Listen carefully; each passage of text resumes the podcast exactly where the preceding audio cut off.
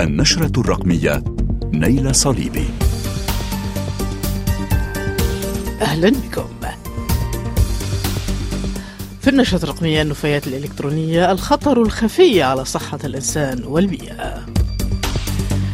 تشكل النفايات الإلكترونية أو الإي ويست خطرا بيئيا كبيرا وأيضا خطرا على صحة الإنسان والبعض يطلق عليها مصطلح النفايات المعلوماتية. وهي نتيجة التحول الرقمي واستهلاكنا للمعدات والأجهزة الإلكترونية. وأيضا هي نتاج ما نتبادله من بيانات على شبكة الإنترنت.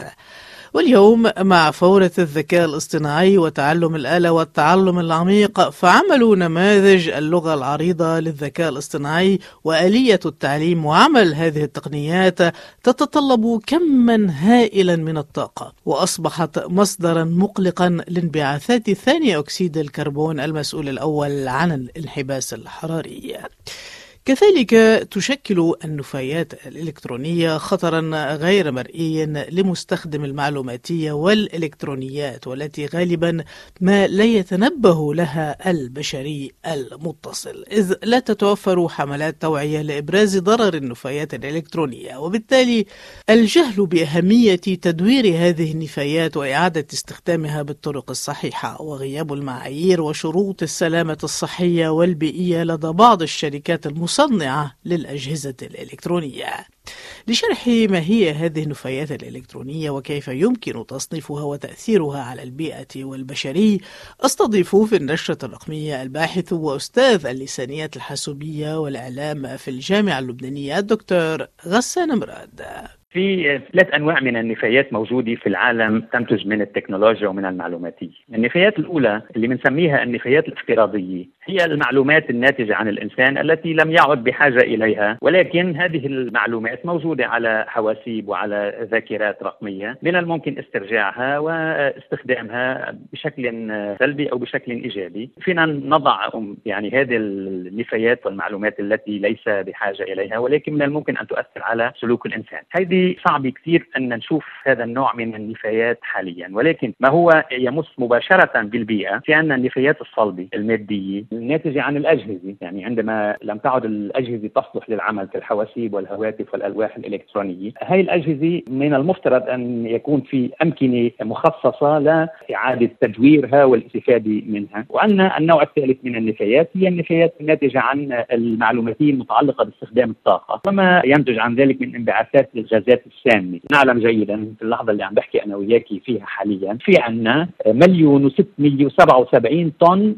من ثاني أكسيد الكربون عم ينبعث بالجو، في عندنا استخدام لمليونين ميجا وات بالكهرباء، في عندنا إذا بدك إنتاج للمعلومات مليارين و691 مليون جيجا بايت، هول هن اللي هن بحاجة لهذا النوع من الطاقة، إذا ثاني أكسيد الكربون الناتج عن هذه الاستخدامات له تأثير. حسب الوكالة الوطنية للطاقة بفرنسا تقدر حاليا إنه هذه الطاقة المستخدمة هي تعدت خمس أضعاف سنويا ما ينبعث من حركة الطيران العالمي. دكتور غسان مراد، هل يمكن لك أن تشرح لنا ما هي بالتحديد النفايات الافتراضية وبعض النفايات المعلوماتية التي تنتج عن استخداماتنا للمعلوماتية؟ لا نحكي عن المعلومات إنه إذا إحنا إذا كانت عندنا هاتف مثلا وفي عليه معلومات وكبينا لهذا الهاتف، محتمل استرجاع هذه المعلومات هذه هي نفايات يعني إحنا ما عدنا بحاجه لهذه المعلومات لارقام هاتف لا معلومات شخصية لا صور إلى آخره هذا نوع من أنواع النفايات الافتراضية. هذا حتى الآن ما لهش تأثير مباشر يعني إحنا ما له تأثير على البيئة بقدر ما له تأثير على سلوكية الأفراد. وهذا يعني العالم ما عم يحكي عنه كثير حاليا إلا استفادوا منه مثلا بآخر فترة من خلال دراسة سلوكية الأفراد. لتشوفوا إنه يعني المعلومات اللي موجودة ما ضروري تكون صحيحة أو غير صحيحة. ولكن هي نوع من أنواع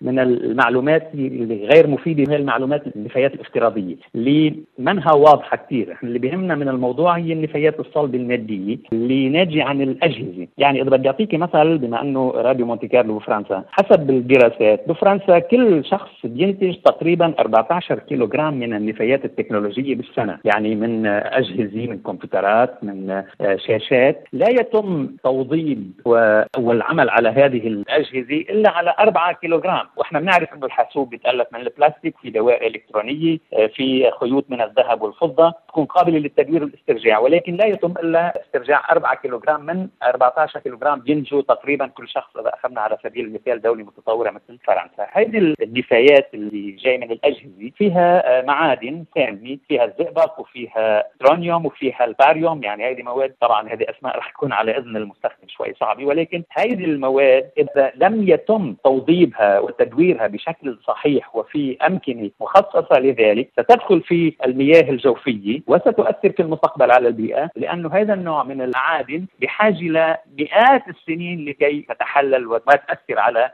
المياه الجوفية وما تأثر على البيئة مباشرة. دكتور غسان مراد من خلال ما صنفته من النفايات الإلكترونية يعني أن هذه النفايات خطرة. فكيف تلوث النفايات الإلكترونية والنفايات المعلوماتية البيئة وتهدد صحة البشرية؟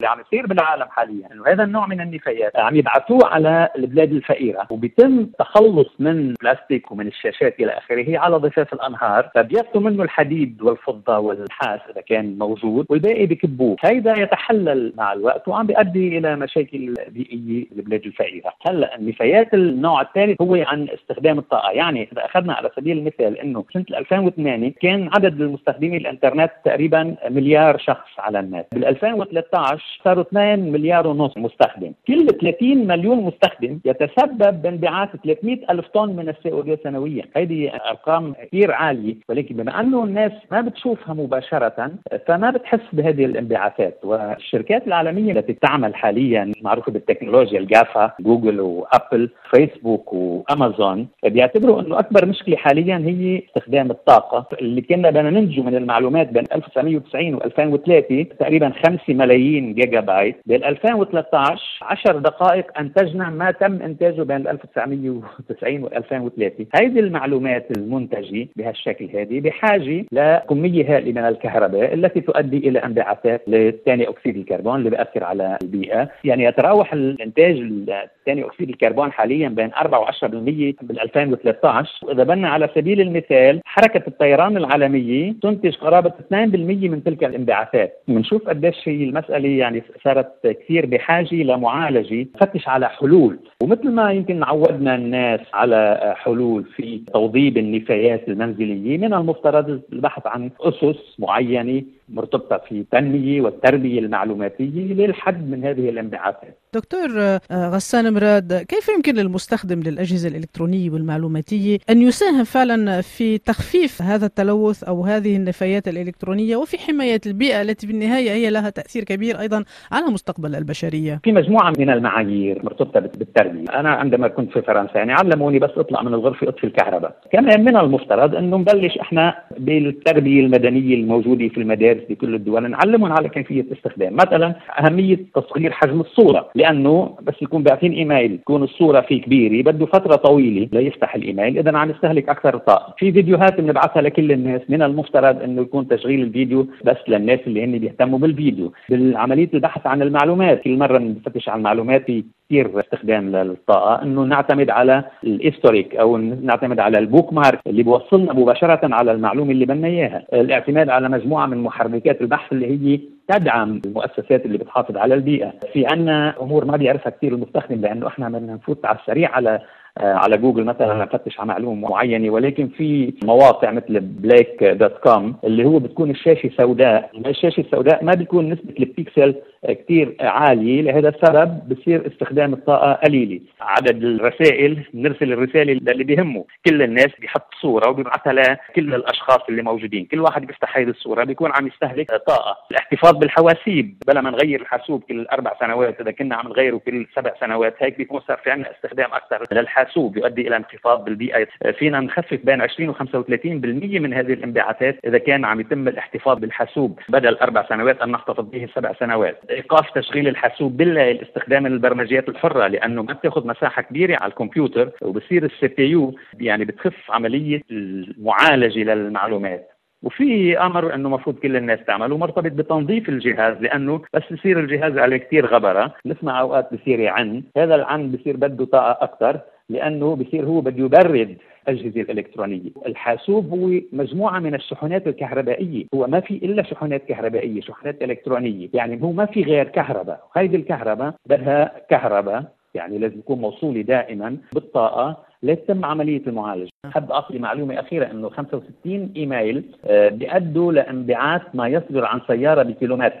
المعلومة الثانية إنه حرق البنزين إنه سبام اللي بيوصلنا. يعني الإيميلات اللي عم توصل يعادل سنويا حرق 7 بليون فاصلة 5 لتر من البنزين. يعني تخيلوا إنه في عندنا 7.5 مليار لتر بنزين عم يحترقوا. لأن هذه مجموعة من الأمور والمعايير اللي من المفترض على المستخدم إنه يتربى عليها نتعلم عليها ثم عملية التربية الفعلية. لنبلش نحد من آه، كيفية يعني من استخدام الطاقة الكثيف. من المفترض يعني إنه الانتباه إلى كل هذه الأمور للحفاظ على البيئة من هذه الناحية اللي هي موجودة في كل مكان حاليا وباستخدام الدائم وهي موجودة في جيوب المستخدم. الكلام كان للدكتور غسان مراد الباحث وأستاذ اللسانيات الحاسوبية والإعلام في الجامعة اللبنانية.